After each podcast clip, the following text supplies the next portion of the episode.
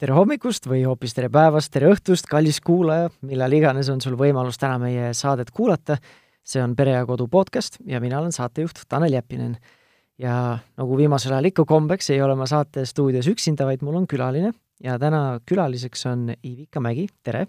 tere! hästi hea meel, et sa said tulla siia saatesse rääkima, tänase saate teema on võib-olla ma ei tea, ei ole võib-olla väga levinud teema, aga siis me räägime autismist, autistlikest lastest ja Ivika on ise autismi valdkonna arendaja Eestis ja koolitaja, lisaks ma saan aru, et sa juhid autismikeskust, kus te teete koolitusi, on erinevad teraapiavõimalused ja, ja nii edasi, et ma esimese hooga palungi sul natukene võib-olla seda eh, taustavad, esiteks, mis see autismikeskus üldse on? Ja siis me lähme selle autismi teema juurde, kuidas sina ise siia jõudsid. et mis teenuseid ja mida te pakute ja mida te saate, millega te saate abiks ja toeks olla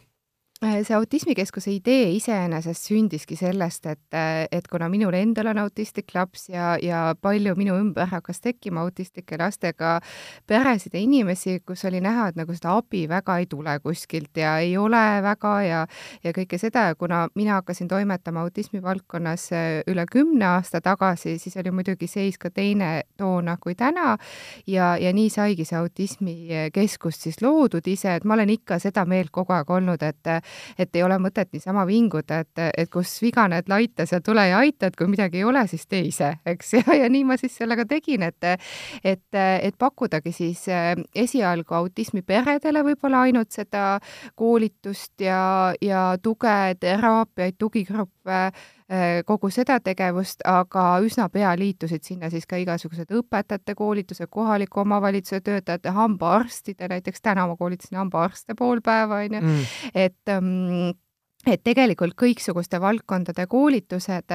ja, ja tänaseks on ka nii, et meil on küll autismikeskus ise on Tallinnas, aga meie tegevus toimub üle Eesti, nii et tegelikult mina käin ja minu kolleegid, me sõidame palju üle Eesti, kuhu siis täpselt vaja, et ei ole mingit mõtet, et näiteks kui Hiiumaal on äh, Äh, õpetajad ja kool olemas, kus tahavad kõik koolitust saada, et siis ei ole mõtet kolmekümmend hiiumaalast äh, Tallinnasse sõidutada, vaid me, ma sõidan ikkagi ise Hiiumaale kohale ja siis äh, sealhulgas saab siis ka vaadata, kes need pered seal on, lapsed on ju, kohtuda vanematega ja kõike seda. nii et selles mõttes on see tegevus ikkagi üle-eestiline meil. hästi vahva ja enne seda sul ei olnud vastavat selle, selle valdkonna haridust enne seda, kui ma autismi asjaga hakkasin tegelema kümme aastat, ma olen nii vana täna, et ma jõudsin kümme aastat enne seda ka midagi teha veel, on mul avaliku halduse eh, ja selline mm, jah, nagu avalikku haldust olen ülikoolis õppinud ja töötasin pigem omavalitsuste süsteemis koolitusjuhina mm -hmm. ja, ja sellises nagu riigisüsteemis ja, ja aitasin asju korraldada küll, aga, aga mitte siis sellises erivajadustega laste valdkonnas. aga muidu iseenesest see idee mul sinna erivajadustega laste valdkonda sukelduda tekkis enne, kui mul see oma poja autism tekkis, see on imelik lugu, et need kõik niimoodi kokku läksid, aga mm, -hmm. aga mul on kaks poega, kes on täna siis Äh, uh, üks saab kolmteist see aasta, teine saab neliteist. Ja, ja kui nad väikesed olid, siis, äh, siis ma mõtlesingi, et ma vist enam ei taha seda teha edasi, mida ma tegin, et noh, nagu naistel ikka, kui lastega kodus oled, siis saad mõelda, et et mida ma võib-olla edasi tahaks teha. Ja siis ma juba mõtlesin, et ma tahaks edasi töötada lastega ja läksin uuesti ülikooli, nii et läksin siin magistriõppesse äh, sotsiaalpedagoogikat ja lastekaitset õppima. Ja siis ma, ainuke, mis ma siis suutsin välja mõelda, oli see, et tavaliste lastega on liiga igav, et tahaks midagi teistsugust. Ja siis ma autismist ei teadnud veel üldse mitte midagi. aga, aga noh, siis seal õppides esimesel kursusel tuli mu oma nooremale pojale see autismi diagnoos ja siis ma mõtlesin, et noh, nüüd ma õpin siis selle selgeks, et mis see on. ja ega ma siiski veel ei mõelnud kohe, et ma selle, sellel teemal tööle hakkan, et see kuidagi elu ise nii läks, et, et pigem ma tahtsin seda õppida, et oma poega aidata. aga ühel hetkel tekkis jälle see koht, et mm,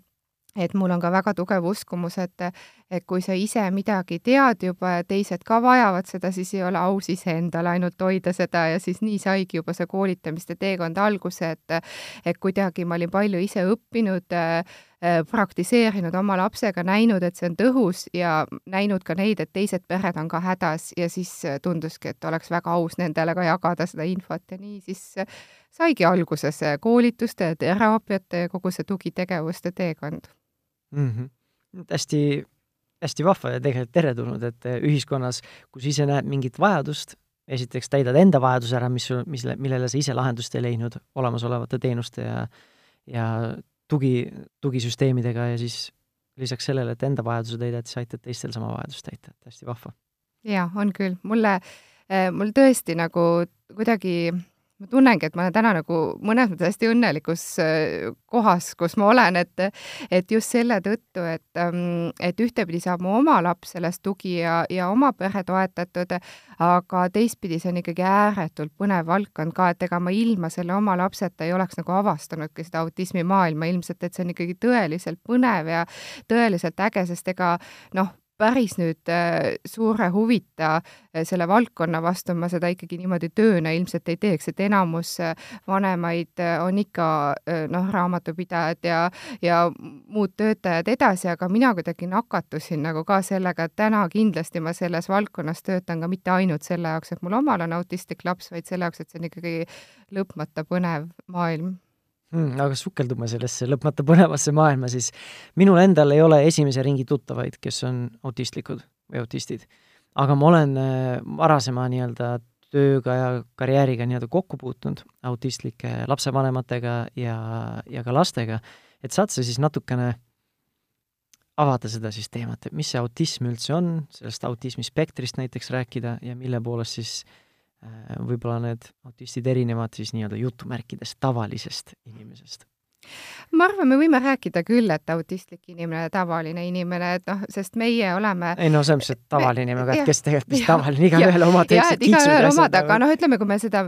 seda meie maailma kontekstis praegu vaatame, niisuguses meie ühiskonna kontekstis, siis ikkagi kõik süsteemid on meie loodud, on ju. Mhm. nii et selles mõttes on see nagu meie jaoks tavaline maailm, aga mõnele teisele inimesele, kes ei ole selles loomise protsessis nii-öelda saanud oma eripära sisse panna, et talle on see ikkagi nagu nagu natuke niisugune teistmoodi, eks. ma võtan need jutumärgid siis tagasi. jah, just. et, et ma ise kasutan ka palju tegelikult seda sõna, et autistlik laps või inimene, tavalaps ja tavainimene, et see nagu annab niisuguse hea selguse või niisuguse hea mõõtme lihtsalt. ja mm, noh, võib-olla kõige niisugusem, kuidas ma ütlen, kõige minu meelest lihtsam või arusaadavam seletus autismile on see, et autism on äh, neuroloogiline mitmekesisus, mis sõnana on keeruline, aga tegelikult mõistena väga lihtne. et neuroloogiline tähendab siis seda kõik, mis meie ajus ja närvisüsteemis toimib. Ja mitmekesisus on mitmekesisus nii nagu ükskõik kus mujal, et rahvuslik mitmekesisus on olemas, sooline mitmekesisus, mehed ja naised, eks, kultuuriline mitmekesisus, keeleline mitmekesisus, igasuguseid mitmekesisusi on meil olemas. Ja nii võibki siis olla ka see nii-öelda nagu see ajusüsteemide toimimine toimimise mitmekesisus. ehk siis äh, me ikkagi jätame kõrvale selle mõtte, et autistid oleks nagu kuidagi haiged või katkisemad või, või isegi ku, kuigi see nimetus on autismispektri häire, siis autistid ise ja noh, mina sealhulgas ei poolda seda sõna häire seal tegelikult, sest iga autist võib siin kõrval istuda ja küsida selle peale, aga kust te võtate, et meie häirega oleme, teie normaalsed olete, et minu meelest olete teie häirega hoopis ja mm., ja meiega on kõik okei okay,, eks. nii et, et see oleks umbes sama hea, kui me võtaks näiteks, et kui ma ei tea, Hiina laps tuleb meie lasteaeda, siis me hakkame ütlema, et ta on Hiina häirega laps, eks ole, ja me hakkame keskenduma sellele, et ravime ta eestlaseks nüüd, et um, et äh, me, äh, kui on teisest rahvusest, siis me oskamegi seda nii võtta, et see on okei okay,, eks ole, et ta on teisest rahvusest. Ja vahel pannakse ka selliseid käitumuslikke probleeme ebaõiglaselt selle autismi patta, et jälle võtame sellesama Hiina lapse näite, et näiteks kui Hiina laps tuleb lasteaeda ja hakkab kõiki teisi lööma ja hammustama, siis see ei tulene ju sellest, et ta on hiinlane, eks ole, vaid see tuleneb millestki muust. et agressiivne käitumine ja probleemne käitumine on alati millegi tagajärg. Ja ja sama on autismiga, et autism ise ei ole probleem, autism lihtsalt on. et nii nagu ongi, rahvus on või ma ei tea, juuste värv on või nahavärv on, ta lihtsalt on aga, aga kui sinna lisandub probleemne käitumine, siis sellel on enamasti mingi muu põhjus seal, et see on tagajärg millelegi, kas teda ei ole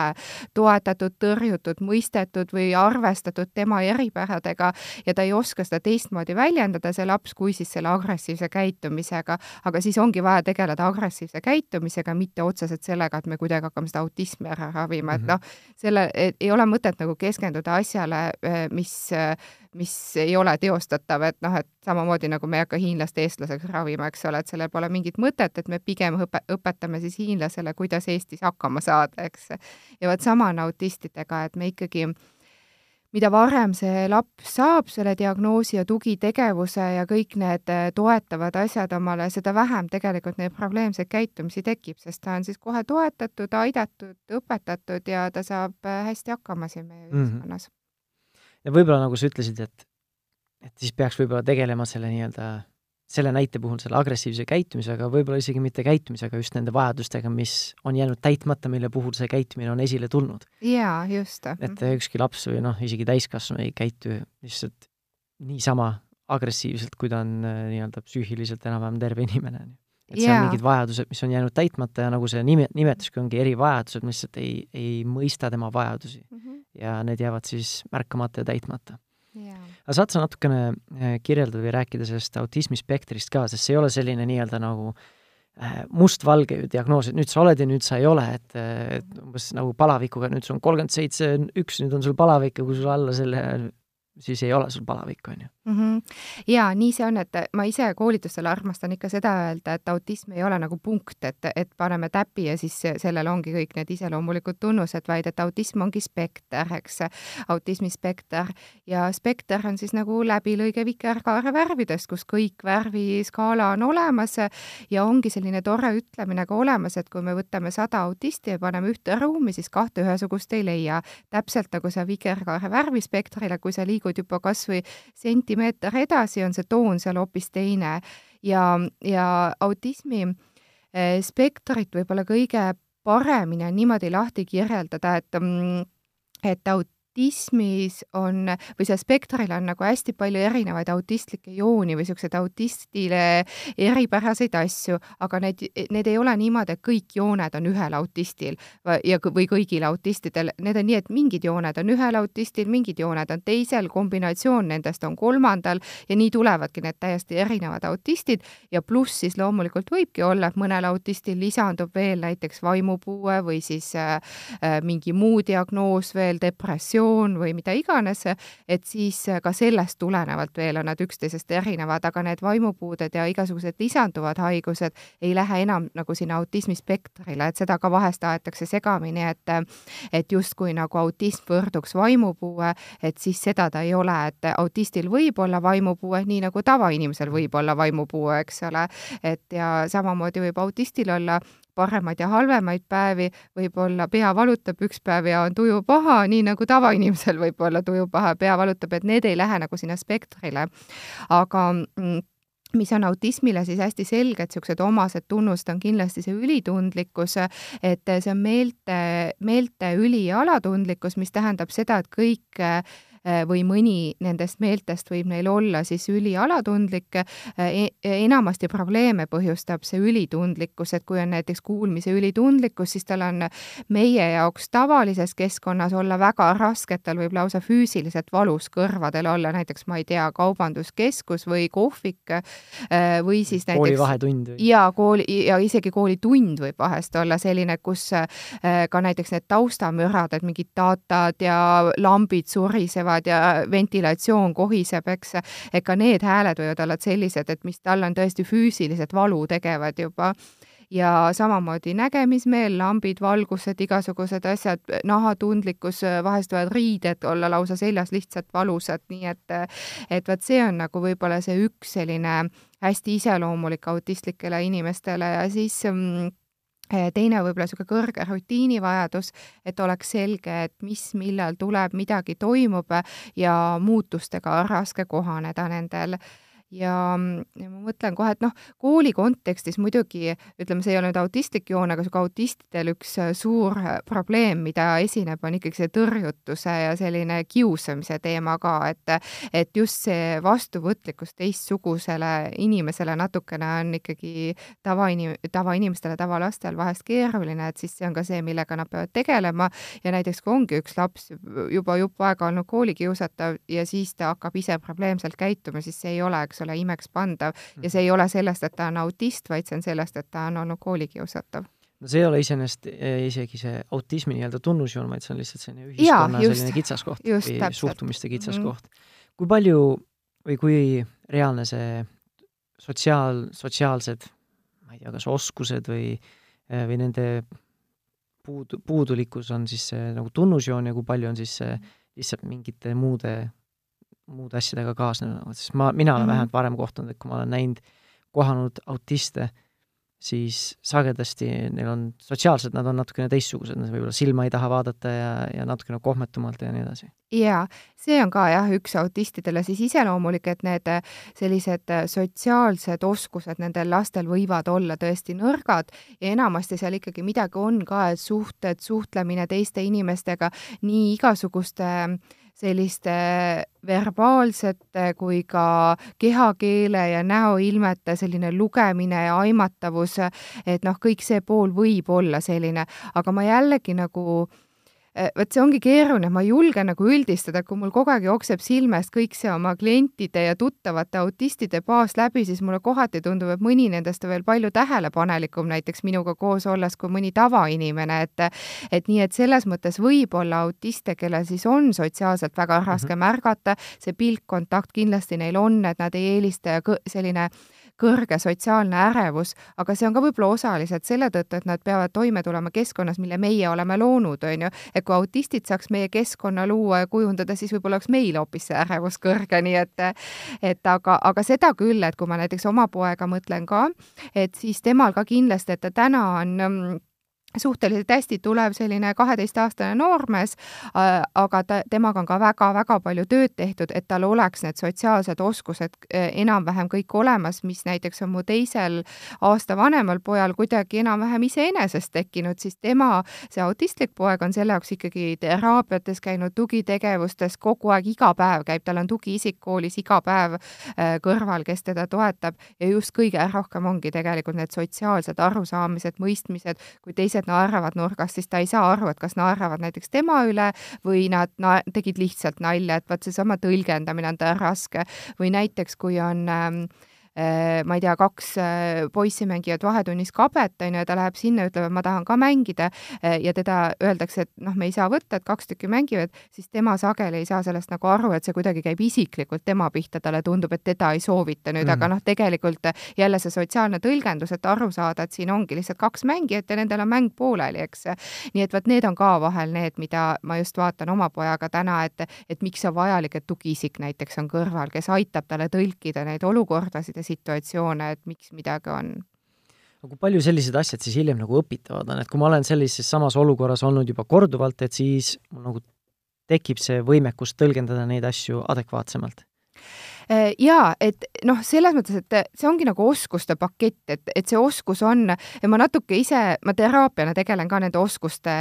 õpetamisega lastele, autistlikele lastele ja ma ikka ise naeran, et see on natuke nagu niisugune kas arvuti programmeerimise laadne asi, et kui arvutis ei ole tabeli tegemise programmi, siis äh, noh, kui ma selle arvutiga räägin ja selgitan ja jutustan, et ole hea, tee mulle nüüd tabelit, on ju, siis ta tegelikult ei hakka tegema, on ju. aga kui ma viin ta sinna IT-mehe juurde, on ju, kes oskab selle programmi sinna peale panna, siis ta hakkab seda tabelit tegema. Ja vot nende autistlike laste ja inimestega on ka natukene niimoodi, et seal võib-olla on vaja spetsiifilisemaid oskusi ja teadmisi, kuidas nendele panna neid programme peale, et nii-öelda natuke neid itimehi on aeg-ajalt appi vaja, kelleks ongi terapeudid siis mhm. tegelikult ja kes aitavad siis neid oskusi sinna peale talle panna ja, ja siis ta hakkabki neid oskama. nii et äh, seda ma ei ole nagu veel kuulnudki, kui ma mõtlen noh, jälle oma nende autistidest tuttavate peale, kes on normintellektiga, ei ole mingid vaimseid mahajäämusi, et nüüd äh, nendel oleks kuidagi piirang selle arenguga, et nad ei suuda õppida midagi mm. -hmm. et küsimus on pigem ikkagi selles, et kuidas õpetatakse seda ja noh, loomulikult ka see, et kas see on vajalik üldse, et kui näiteks tal on pilkkontakt väga raske, talle füüsilist valu tekitav, siis loomulikult me võime talle kõik ju selgeks õpetada ja ta piinleb ja vaatab meile otsa kogu aeg, aga mingis kohas me võime ju ise hoopis astuda sammu nagu nende poole ja mõelda, et aga tegelikult ei olegi oluline, et meil see pilkkontakt kogu aeg olemas oleks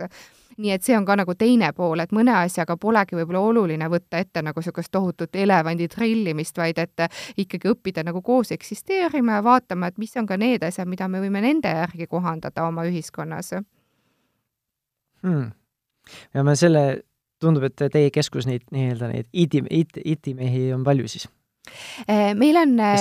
ja, ja, ja meil on palju toredaid koostööpartnereid ka, et näiteks ega kõik ei peagi kohapeal omal olemas olema, et näiteks kui on kõneteraapiat vaja, et osadel lastel on ikkagi kõne mahajäämused või siis selline äh, eripärane kõne, et äh, siis äh, nendele kõneteraapiat, aga meil endal kõneterapeuti koha peal ei ole, aga meil on head koostööpartnerid, kõneteraapiakeskused, äh, kellega me teeme koostööd või siis näiteks hobuseteraapiat, hobust meil omal koha peal ei ole olemas, aga meil on head partnerid, kellel on siis need hobused, kus lapsed saavad siis käia hobuteraapiates ja niimoodi me, me teemegi seda koostööd paljudega, et ma isegi ei arva, et ühes keskuses peakski tegelikult kõik, kõik spetsialistid kogu aeg olemas olema ja istuma, nii et sest me oleme hästi palju, mitu korda on juba läbi käinud see, et mis need tugiteenused ja need teraapiad, äh, mis need põhilised on, äh, mille järgi on siis vajadus autistlikel peredel? -hmm. sa juba mainisid lihtsalt need kõneteraapia, siis mingi hobuseteraapia, mis tundub täiesti nii-öelda teisest maailmast minu jaoks. mis need erinevad nii-öelda mosaiigitükid on või erinevad mõjurid, millega me saame mõjutada ja toetada neid peresid ja lapsi? Kui me vaatame nüüd konkreetselt lapse toetamist, eh, sedasama oskuste pealepanemist või siis õpetamist, kuidas oma tunnete, emotsioonidega toime tulla ja kõike seda ja niisugust enesejuhtimise poolt, et siis mina näen, et siin on nagu kaks olulist sektorit, et üks on see tugiisiku vajadus, et tugiisik autistlikule lapsele on siis nagu abivahend. et eh, kui eh, noh, kas või paralleelina tuues, et ma ei tea, kui ma ei näe hästi, on mu abivahend prillid, kui ma ei kuule hästi, on mu abivahend kuulmisaparaat, kui ma ei saa liikuda ratastool, ja kui mul on äh, siin sotsiaalses keskkonnas või ühiskonnas raske toime tulla ja on see autism, siis minu abivahend on teine inimene siis, kes siis nii-öelda orienteerub siin keskkonnas hästi ja toetab, et üks on siis tugiisik ja teine oluline suund ongi siis need teraapiad. Ja teraapiad minu jaoks äh, jagunevadki nagu laias laastus kahte äh, suunda, et üks on need niisugused klassikalised, mida pakuvadki rehabilitatsioonikeskused, kus on siis kõneteraapiad, tegevusteraapiad, need oskuste õpped, psühholoogiteenused ja teine pool siis võib-olla lähebki natukene sinna mittetraditsiooniliste teraapiate valdkonda, et noh, kus me võime, ma ei tea, tõesti imeteraapiateni välja mõelda, et iga, ma isegi ei oska neid kõiki ette lugeda mm, aga neid on maailmas ikkagi kümneid ja kümneid. Ja kuhugile sinna vahepeale võib-olla jäävad siis näiteks muusikateraapia ja võib-olla seesama hobuste teraapia, mis on küll tegelikult nagu tõenduspõhised juba täna maailmas teada, aga samas neid ei ole loetud ikkagi päris ametlikult veel sinna rehabilitatsiooniteenuste hulka Eestis, et et nii, et, et vaat selline nagu teraapiate sektor ka, mis siis, aga noh, teraapiate põhieesmärk on ikkagi õpetada lapsele just neid oskusi, enesejuhtimise oskusi, sotsiaalseid oskusi, tunnetega toimetulekut, äh, kõike seda poolt, et see on nagu niisugune üks peamine teraapiate fookus. põhimõtteliselt nii-öelda õpetada kohanema siis nii-öelda selle tavalise nii-öelda maailmaga, mida meie siis oleme loonud. jaa, just ja noh, lisaks siis teraapiatele ma näen kahte hästi olulist äh, valdkonda veel, mis äh, lapsi toetab, on kindlasti see, kui pere on toimetulev, kui perel on teadmised, mis on autism, kuidas seda autistlikku last toetada, kui vanematel on endal see tass nii-öelda täis, mitte ei ole ise depressioonis ja katki ja ja, ja ei suuda noh, endagagi toime tulla, et sa ei saa ju teist inimest aidata, sealhulgas oma last, kui sa, kui sul on endagagi raske. nii et see on nagu ka üks meie siis autismi keskkonna keskuse ja ütleme, minu tegevusel ka väga suur fookus, et need pered jaksaksid ja oskaksid toime tulla. et selle jaoks on ka need perenõustamised ja, ja igasugused teraapiad ja vanemate paarisuhte toetamised ja mis iganes siis vaja on ja siis eh, üks oluline osapool on siis hariduse sektor veel, et kus on siis õpetajad, eh, kool, lasteaed, huviharidus, needsamad teised lapsed tegelikult, kellega need lapsed seal koos koolis käivad, et ka seal on siis sama, sama lugu, et kui see teadlikkus on inimestel olemas, siis nad saavad aidata ja kaasata seda autistlikku last ja see põletav teema, mis täna ju räägitakse, see kaasav haridus, mille peale osad nutavad ja teised naeravad, eks, ja, ja kolmandad jooksevad metsa minema, et siis noh, tegelikult see idee poolest on see kaasav haridus ju väga selles mõttes nagu tore, et ikkagi kaasata neid natuke teistsugusemaid lapsi ja inimesi, aga eks ta Eestis on nagu selle rakendamise puudulikkuse taha praegu jäänud natuke selles osas, et õpetajad on üksi jäetud, eks ole, sellega, et kaasake, aga ei ole ei tugipersonali sageli, ei ole teadlikkust, ei ole koolitusi saanud, aga kaasake ikka, eks ju. idee on hea, aga teostus kehv. just mm. -hmm aga, aga iseenesest mina muidu olen tegelikult seda usku, et, et, et igale lapsele peaks nagu leidma niisuguse õige koha eh, ja, ja ja ei pea neid kuhugile ära tõstma meie keskelt, et me ei pea nagu selekteerima, et et kõik teistsugused on kusagil seal ja, ja meie normaalsed nii-öelda oleme kuskil siin, vaid ikkagi väga palju lapsi on ju, kes sobituvad väga hästi näiteks koos tugiisikuga meie tavalaste keskele või siis ongi, saavad oma teraapiaid ja sobituvad. Ja kes siis tõesti ei sobitu kohe üleüldse, et noh, võib-olla näiteks siit tulebki niisugused lapse eripärasemad asjad, et kui lisandub vaimupuue näiteks, no siis tõesti ta ei saa lihtsalt oma selle vaimse maha mahajäämuse tõttu õppida koos teistega samas klassis, et noh, siis kindlasti on vaja leida talle sobiv koht. Või kui tal on näiteks see äh, helitundlikkus nii tugev, et ta lihtsalt ei saagi seal koolis, seal tavaklassis olla, sest iga tooli nagistamine, iga sahistamine on talle valus kogu aeg, et siis on äh, väga okei okay näiteks panna ta kuskile väikeklassi või siis individuaalõpet,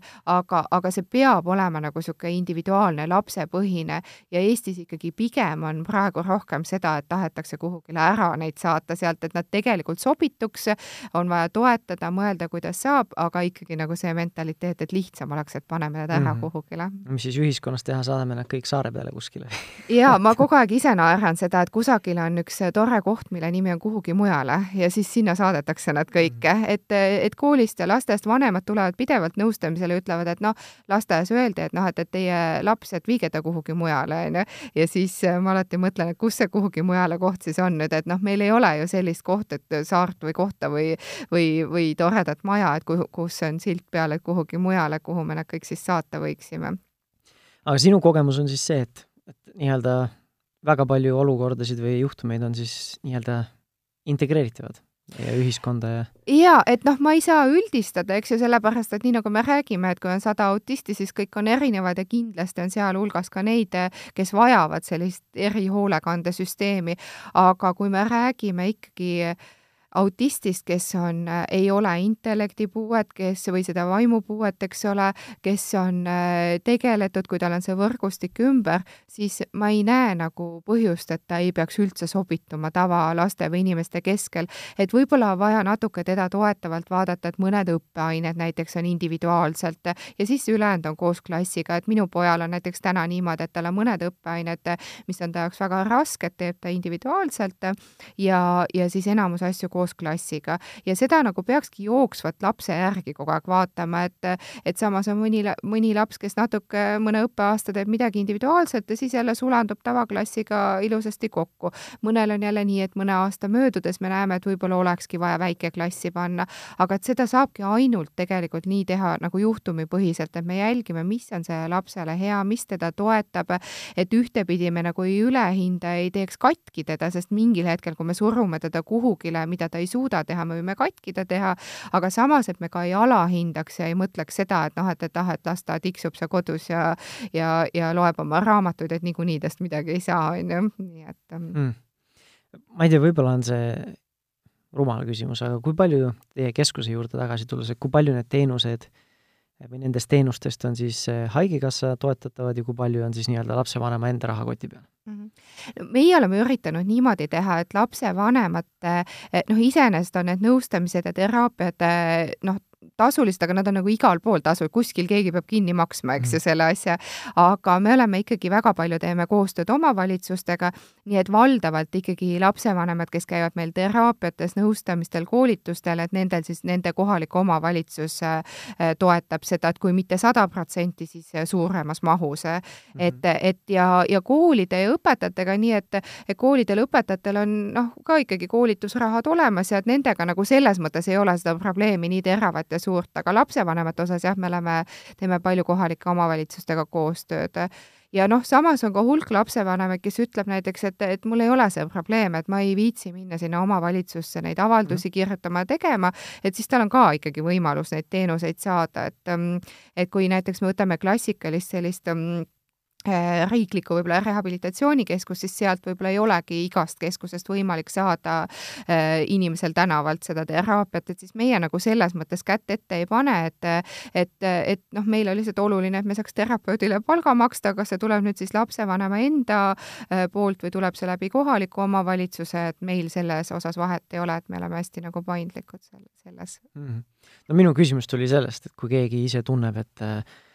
et tal on nagu huvi rohkem või tal on vajadus tegelikult mingite teenuste järgi, et siis ei peaks nagu ära kohkuma, et vähemalt kindlasti uurima ja vaatama, mis võimalused on. ja, ja kindlasti. Ja seda ma olen ka öelnud, et näiteks koolitused on meil samamoodi tasulised, aga, aga me, me ikkagi töötame põhimõttel, et raha taha ei tohi nagu midagi jääda, et kui on inimene, kes võtab ühendust, et vot, et mul omavalitsus ei maksa ja mul endal ei ole võimalik, siis me oleme alati võimaldanud nendel ka tasuta osaleda, nii et, et selles mõttes ikkagi meil ei ole selline tuimade ametnike keskus, et noh, et kõik käib paberi järgi ja ühe joonlauaga, vaid et meil on ikkagi selgelt niisugune inimese keskne, nii et, et igaüks võib pöörduda, igaüks võib rääkida oma muret ja, ja, ja igal juhul me leiame selle abi ja lahenduse, nii et mm. -hmm. siis ma tahaks veel äh, adresseerida seda diagnoosimise poolt ka, et äh, äh, väga sagedasti, kui äh,,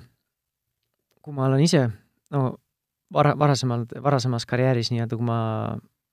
varasemas ühes saates vist mainisin ka, et ma Ameerikas müüsin ukselt uksele haridusliku sisuga raamatuid ja ma kohtasin tuhandeid peresid selle jooksul. ja nii-öelda protsentuaalselt juba nii või teisiti ikkagi satub perede otsa ja kümnete perede otsa, kus, kus siis on kas autistlikud lapsed, sugulased või on üks lapsevanem või mõlemad lapsevanemad, on ju, et siis seal mul nagu jäi silma,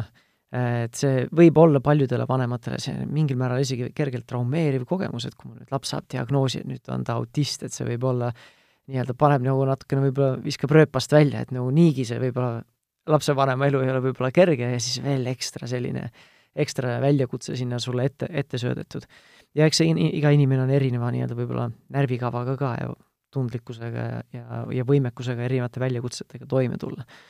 et äh, saad sa natukene seda poolt jagada, kui, kuidas sellesse üldse siis nagu suhtuda, üks asi, ja siis võib-olla rääkida natukene oma isiklikust kogemusest ka, et kuidas teil see äh, sinu selle kolmeteistaastase poja diagnoosi saamine läks? Mhm.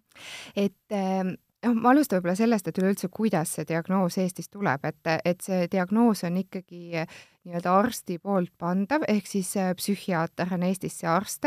kui, ja seda ei tehta niimoodi, et keegi vaatab tund aega otsa lapsele ja ütleb, et jah, nüüd on sul autism või ei ole, eks. või siis on... lasteaiaõpetaja ütleb, et kuule, ma arvan, et jaa, just, sest isegi äh, kui mina tegelen iga päev autistlike laste ja inimestega ja isegi mul on olnud endal kogemusi, kui ma vaatan näiteks mõnda last, et mind on kaasatud äh, mõnda meeskonda, kus on diagnoosimata laps ja vaatlen mõnda last seal ja õpetajad arvavadki, et on autism autism ja mina vaatan ka, et väga autismile kalduvad jooned ja, ja kõik selline, siis ma mitte kunagi ei ütle seda välja, sest mina ei diagnoosi ja õpetajad ka ei diagnoosi, äh, vaid ainuke, mida me saame öelda, et palun minge uuringutele psühhiaatri juurde ja seal tehakse, need on ikkagi pikad uuringud, põhjalikud, mis tehakse läbi ja sealt tuleb siis vastuseks, kas on või ei ole, eks ole, diagnoose. et see on nagu esimene samm ja võib-olla see on see, mida ma tahaks vanemaid julgustada, et ega siis see uuringu läbitegemine, et hästi kardetakse ja sageli on nagu hästi suur vastuseis sinna uuringutele minna, et mm,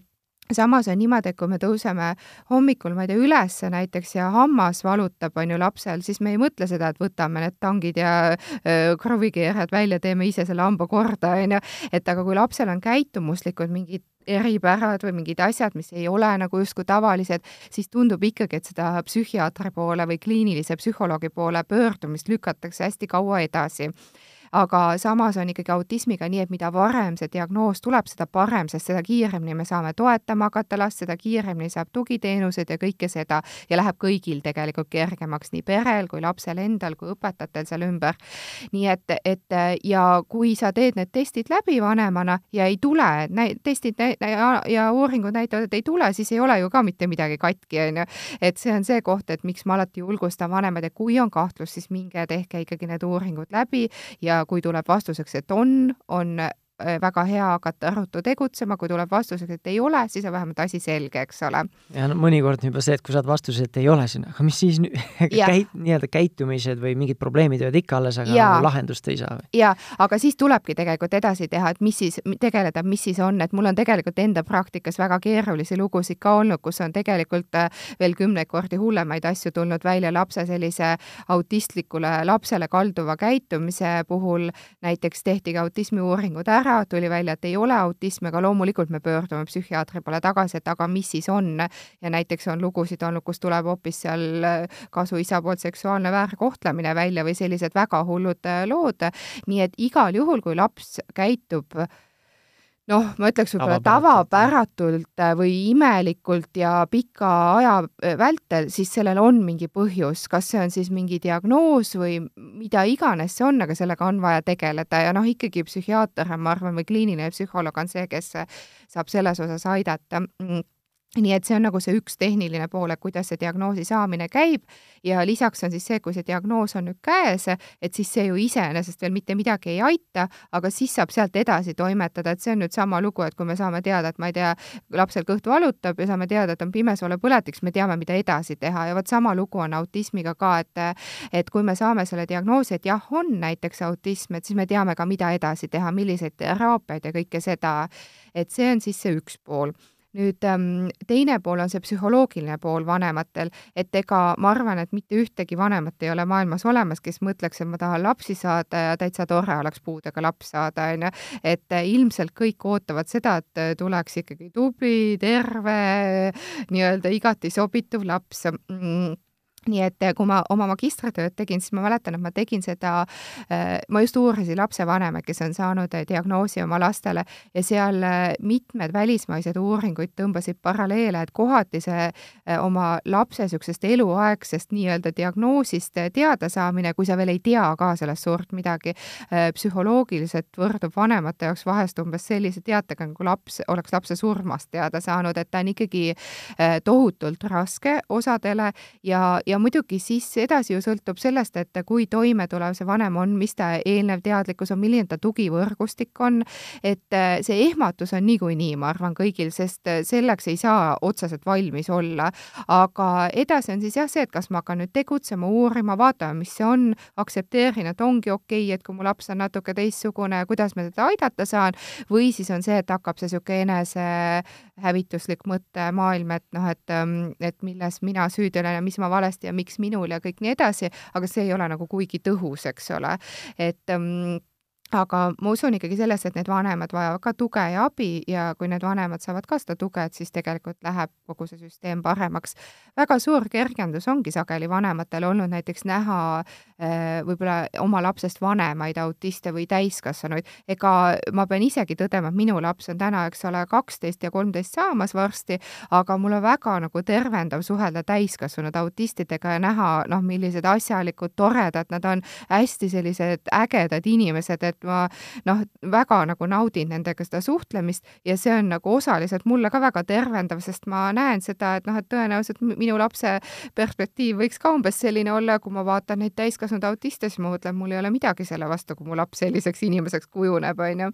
ja samamoodi on mõne väikese lapsega näiteks vanem, et ma vahest olen isegi oma last niimoodi võtnudki kaasa ja ja või siis perepäevadel. Meil näiteks, et täitsa nagu näidanudki, kes on seal kahesed ja kolmesed ja ja alles saanud oma lastele diagnoosid, et, et minu laps oli ka väga keeruline laps, kui ta oli kaks, kolm, neli, viis, et noh, selline hästi, noh, see autism on temas ikkagi üsna tugev, aga et nüüd täna on ta selline tore, vahva noormees ja vot see on ka vanematele hästi nagu tervendav näha, et et kui tema laps on täna seal alguse teekonnas, on ongi see kaks ja kolm ja needsamad keerulised asjad, et siis näha, et ah, et kui selliseks kasvab, siis pole vigagi, on ju, et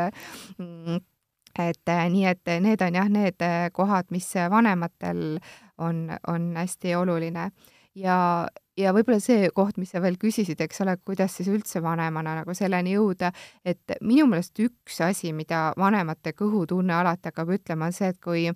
Äh, kui laps on teistsugune, siis su kõhutunne ütleb seda, et mina mäletan seda, et minu enda mõte oli see, et ta oli mul lihtsalt kuidagi ebaloogiline laps. et, et kõik asjad tal nagu justkui olid, käed-jalad on otsas, silmnägu on peas, aga väga palju oli temaga niisugust ebaloogilist, et kui ma võrdlesin oma aasta vanema pojaga, kellega oli väga palju asju loogilised, siis selle nooremaga olid lihtsalt nii palju asju niisugused ebaloogilised. ja vot seda näiteks ütlevad nii õpetajad, lapsevanemad, kes väga palju ei tea autismist, aga kelle klassi või lasteaiarühma satub autistlik laps, et ka, et algab kõik sellest, et ta lihtsalt on kuidagi teistmoodi ja ebaloogiline, aga kui sa peaks otseselt kirjeldama, siis nagu ei oskagi, et kõike nagu teeb justkui, aga niisugune ebaloogiline on vahepeal käitub kummaliselt, siis käitub või kummaliselt või siis on näiteks mina oma lapse kohta alati ütlesin väiksena, et ta on selline, kui mu käest küsitakse, palli viskab, viskab, autoga mängib, mängib, on ju, kõike teeb, aga ta tegi kõike siis, kui ta ise tahtis ja natuke nagu teistmoodi, et ta oli nagu niisugune kass, kes kõndis isepäi lihtsalt, et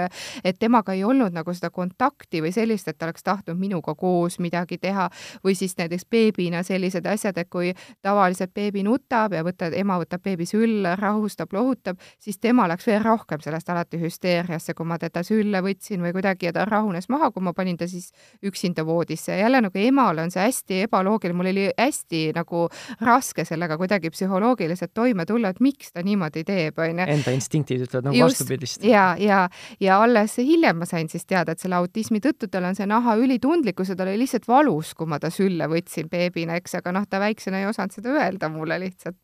nii et vot need on need asjad me siin eetriväliselt natukene rääkisime ka enne salvestust ja sa ütlesid, et teie eh, pere siis sai, te saite selle diagnoosi ikkagi võrdlemisi minu jaoks, mina, mis, mina olen nii palju kui kokku puutunud selle teemaga nagu minu jaoks varakult, aga sina ütlesid, et see oli isegi hilja. et kuidas, kui, kui vana te sinu poeg oli siis, kui te diagnoosi saite või tema sai ja mis see nagu, kuna seda siis õige tegelikult oleks siis saada või teha või uurida selle kohta üldse mm? -hmm. no minul oli niisugune omamoodi kulg selle asjani, et jälle mulle tundub, et elus asjad lihtsalt lähevad, mõne, mõned asjad niimoodi, et ähm, et äh, noh, kui ma tema seda ebaloogilisust muudkui märkasin, siis loomulikult ma seda ka jagasin, rääkisin ikka oma ühe ja teise tuttavaga ja ma olen kunagi gümnaasiumi lõpus USA-s õppinud ja, ja siis ka sealt sõpru jäänud ja ühe teisega sai jälle, et noh, kuidas ikka räägid, kuidas lastega on ja siis seda ebaloogilisust ma ka jagasin. ja autismist ma ei teadnud toona üldse mitte midagi. ja siis mm, sealt üks tuttav ütles, et kuule, et kas sa ei ole mõelnud, et niisugune asi on olemas nagu autism, on ju, et noh, et, et need asjad, mis sa räägid, et tunduvad kangesti selle moodi. ja, ja siis andis mulle ühe autismikliiniku kontakti ja ma siis äh, tegin väikseid äh, filmimisklippe siis oma lapsest, saatsin neid kirjeldusi ja, ja minu laps oli toona siis selline natuke alla kahe aasta vana ja, ja siis saatsin sinna ära ja noh, tegelikult sealt oligi see esimene kiri või esimene vastus, mis ma sealt autismikliinikust sain, oligi see, et kus te varem olite. et ma ise olin küll väga õnnelik, et ma nii vara juba mm -hmm. hakkasin uurima ja tegutsema et aga, ja noh, siis äh, põhimõtteliselt sealt ma suhtlesin palju selle USA autismikliinikuga ja siis Eestis sai ka see diagnoos siis kinnituse, ma palusin talle need testid ja uuringud ikkagi ära teha ja, ja Eestis samamoodi hakkasid siis äh, noh, kuidagi nagu see psühholoogidega koostöö oli hea ja ilmselt ma läksin ka ise juba ikkagi selle teadmisega sinna või selle ettepanekuga, et ma saan aru, et midagi on sellel lapsel, et ei ole päris tavaline, et ma ei läinud nagu sinna otsima seda kinnitust, et öelge, et äh, mitte midagi ei ole. et siis sageli psühholoogid ütlevadki, et et loomulikult me võime oodata kolmanda või neljanda või viienda eluaastani, aga ma ei tahtnud enam nagu oodata, et ma sain aru, et midagi on teistmoodi ja mul oli sealt USA-st ka see teadmine olemas, et mida varem tegutseda, seda parem. ja, ja niimoodi selle autismi diagnoosi me siis suhteliselt vara saime, aga noh, täna kümne aastaga on ikkagi asjad edasi arenenud, et minuni tegelikult täna jõuab päris palju kliente, kellel on kaheaastased lapsed näiteks ja ongi saanud juba autismi diagnoosid. kaks-kolm on üsna sage juba selle diagnoosi saamiseks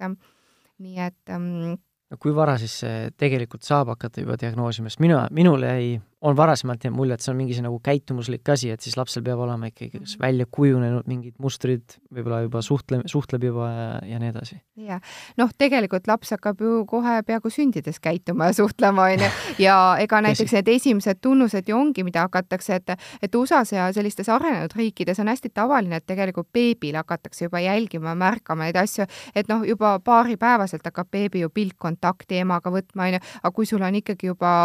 pooleaastane beebi, kelle puhul ema ütleb, et ta ei ole üldse, ei saa temaga pilkkontakti või needsamad puudutamise teemad, võtad sülle, nutab, paned mm -hmm. maha, noh, ja kõik, ja vot selliseid väikeseid asju on, mida saab tegelikult juba väga varajases eas märgata. just nende meelte ülitundlikkuse. jah, need meelte ülitundlikkuse, pilkkontakt, võib-olla mingi tavapäratu areng, noh, minul oli ka näiteks see, et meie lapsel ei tulnud kõnet, et ta oligi juba poolteist ja tal tegelikult ei olnud üldse mingit kõnet ja tal ei olnud ka seda nagu mitte ainult sõnalist kõnet, vaid ka seda kommunikatsiooni sellisel viisil, et noh, lihtsalt näitab näpuga või vaatab sulle otsa või tahab kuidagi suhelda, et tal nagu ei olnud seda, et ta oli lihtsalt kuidagi niisuguses omaette mullis või omaette kapslis, ta rääkis küll midagi omaette palju, aga see ei olnud eesti keeles, see oli mingis teadmatus keeles. Nii et ähm, et ja noh, need on need asjad, et, et ma arvan, kui mul oleks olnud too, see teadlikkus, mis mul täna on, siis ma ilmselt oleks osanud juba, ma arvan, seal pooleaastaselt kindlasti neid ohumärke märgata. ja muidugi on ju nii, et ega osa jäetaksegi jälgimisele, et ega iga ohumärk ei tähenda kohe autismi diagnoosi, aga, aga hea on nagu teadlik olla ja jälgida ja nüüd, kui me hakkame lõpp, kokku võtma seda teemat, siis küsiks selle ühe põletava küsimuse ka, et kas et millest see autism siis nagu tingitud on, kas me teame, on see siis geneetiline, on see siis äh, nagu need linnamenüüd räägib, et äh, vaktsiinidest võime saada autis-, autismi Mm -hmm. et on selle kohta mingit teaduspõhist infot ka või mm -hmm.? noh, kui me räägime nüüd autismist kui neuroloogilisest mitmekesisusest, siis ikkagi autistiks äh, sünnitakse ja see ongi nagu teine rahvus, eks. et aga, aga noh, tegelikult autismi kohta öeldakse ka seda, et ta on maailmas natuke nagu niisuguse müstilise auraga teema, et seal ongi väga palju seletusi pandud talle, et osad rühmad teevadki uuringuid, tõestavad ära, et näed, et vaktsiinid näiteks tegid ja, ja no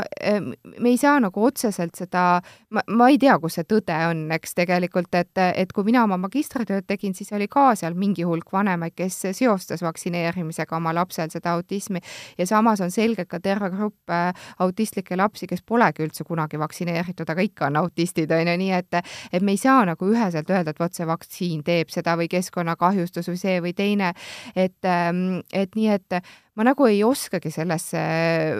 praegu niisugust selget nagu panust anda, et ma arvan, et täpselt nii äh, müstilise auraga, nagu ta maailmas on, on ta ka minu jaoks hetkel, et ma ei taha nagu ühtegi niisugust mm. seisukohta võtta enda jaoks,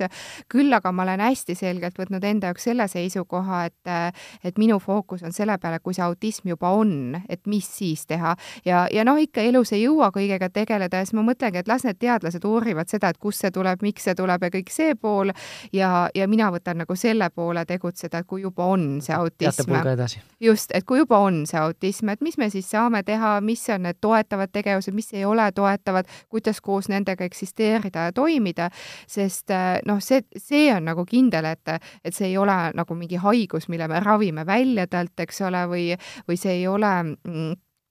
selline asi, mis äh, kuidagi lihtsalt ise üle läheb, et on lapsi, kellel on näiteks autismi kahtlus ja see läheb üle, siis see ei ole lihtsalt autism olnud, vaid et ongi mingi käitumuslik häire olnud või mõnel lapsel on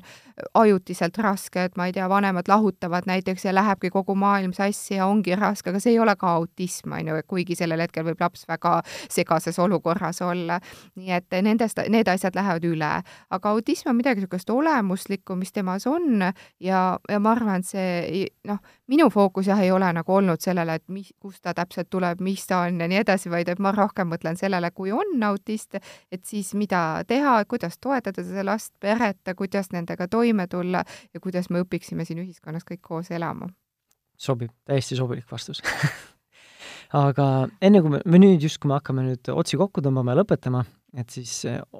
on, on midagi, mis sul on jäänud nagu ütlemata või mille, millele sa tahaksid kindlasti veel tähelepanu pöörata? Selle, kogu selle autismi teema, et kas jäi mingi tahk katmata äh, praegu senise saate jooksul või sai sinu jaoks olulised asjad nagu läbi räägitud? ma arvan, et need kõige olulisemad võib-olla said läbi räägitud, aga võib-olla ma lisaks lihtsalt selle mõtte, et hästi palju on sellist põhjendamatut hirmu nagu selle autismi teema ümber, et ähm, et, et ma olen, palju koolitan õpetajaid ja näiteks enne üldse, kui õpetajatel on klassi või üldse kokkupuudet on mõne autistiga tulnud, nad juba kardavad tihti ette ja ma koolitusel kuulen seda, nad ütlevad, et ma tean, et mul järgmine aasta üks autist tuleb, et ma juba praegu kardan, ma olen nii ärevuses ja kõik see pool, aga, aga ja sageli öeldakse, ja kui ta siis tuli, siis tegelikult ei olnudki nii hull see asi. et, et võib-olla seda niisugust hirmu ja ärevust on palju ja minu usk on see, et kui on hirmu ja ärevust, siis selle nagu äh, kui me vaatame kaalu peal nii-öelda, kui kaalukaussidel ühel poolel on see hirm ja ärevus, siis teisel poolel on teadlikkus ja teadmised. et kui ükskõik, kes inimene, kas sa oled õpetaja, lapsevanem, ka siis, kui sa saad näiteks lapsele selle diagnoosi ja ongi hirmu ja ärevust palju, siis on ruttu-ruttu vaja seda teadlikkust hakata tõstma, teadmisi koguma, siis see kaalub selle hirmu ja ärevuse ülesse, sest ainult see hirm halvab meie aju ära tegelikult, et aju ei saa normaalselt töötada mitte kellelgi, kui ta tunneb hirmu või või ärevust või nälga või väsimust, mhm. on ju. nii et, et selle jaoks, et seda hirmu nagu maha saada, on vaja tõsta seda teadlikkust ja teadlikkuse jaoks, noh, teadlikkust me sageli ikkagi seal üksi kodus nuttes ei saa, on ju, tõsta, et noh, lugeda natuke ikka, aga noh, lugemine on ju see koht ka, et kui sa internetis guugeldad, siis sealt võid igasugust jama ka kätte saada, on ju. võid sinna musta auku sattuda, kus kuuled kõik neid hirmulugusid hoopis. absoluutselt, et võib-olla kõige õigem on ikkagi seda teadlikkust tõsta läbi mingite koolituste, selliste teadlike inimeste juures, ma ei tea, nõustamiste, vestluste, kolleegidega, arutelude, kes kolleegid on teadlikud, nii et see oleks võib-olla minu see üks mõte, mille ma tahaksin siia juurde veel lisada, et nii kui tunned, et ükskõik, kes sa oled, et tunned, et see hirm või ärevus hakkab su sees nagu keerama, et siis kohe võiks keskenduda sellele, kuidas teadlikkust tõsta, et kes saab mind aidata selles teadlikkuse tõstmises, kuidas ma saan omale teadmisi juurde ja siis see ärevus jälle läheb väiksemaks paremaks. väga eluterve suhtumine.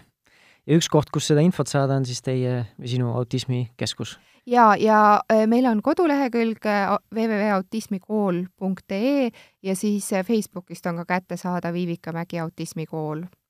väga lihtne, nii et autismikool.ee väga hea, aga suur-suur aitäh sulle, Iivika, et sa võtsid aega oma koolituste vahele tulla siia saatesse ja jagama oma mõtteid aitäh sulle ka ja ma arvan, et see on väga-väga oluline teema, mida kajastada. ma loodan, et kuulajale läks ka see korda, said vähemalt äh, mõtteid, said äh, natukene suuniseid ja kui sul on rohkem infot vaja, siis kindlasti suundu siis autismikool.ee veebilehele või siis otsi Facebookist ülesse. ja vahepeal, kui sul vanemlusteemadest on puudus, iganädalane see veebiraadiosaade või äh, podcasti see sagedus jääb väheks, siis Äh, võid pilgu peale visata ka Delfi ja Pere ja Kodu veebiväljaandele ja Facebooki lehele, kus tuleb igapäevaselt vanemlusteemalisi artikleid välja ja kui minuga soovid kontakti saa-, astuda või siis kahepoolselt suhelda, siis minu leiad sa Facebooki grupist Positiivne ja rahumeelne vanemlus. aga suur-suur aitäh kuulamast ja järgmise saateni!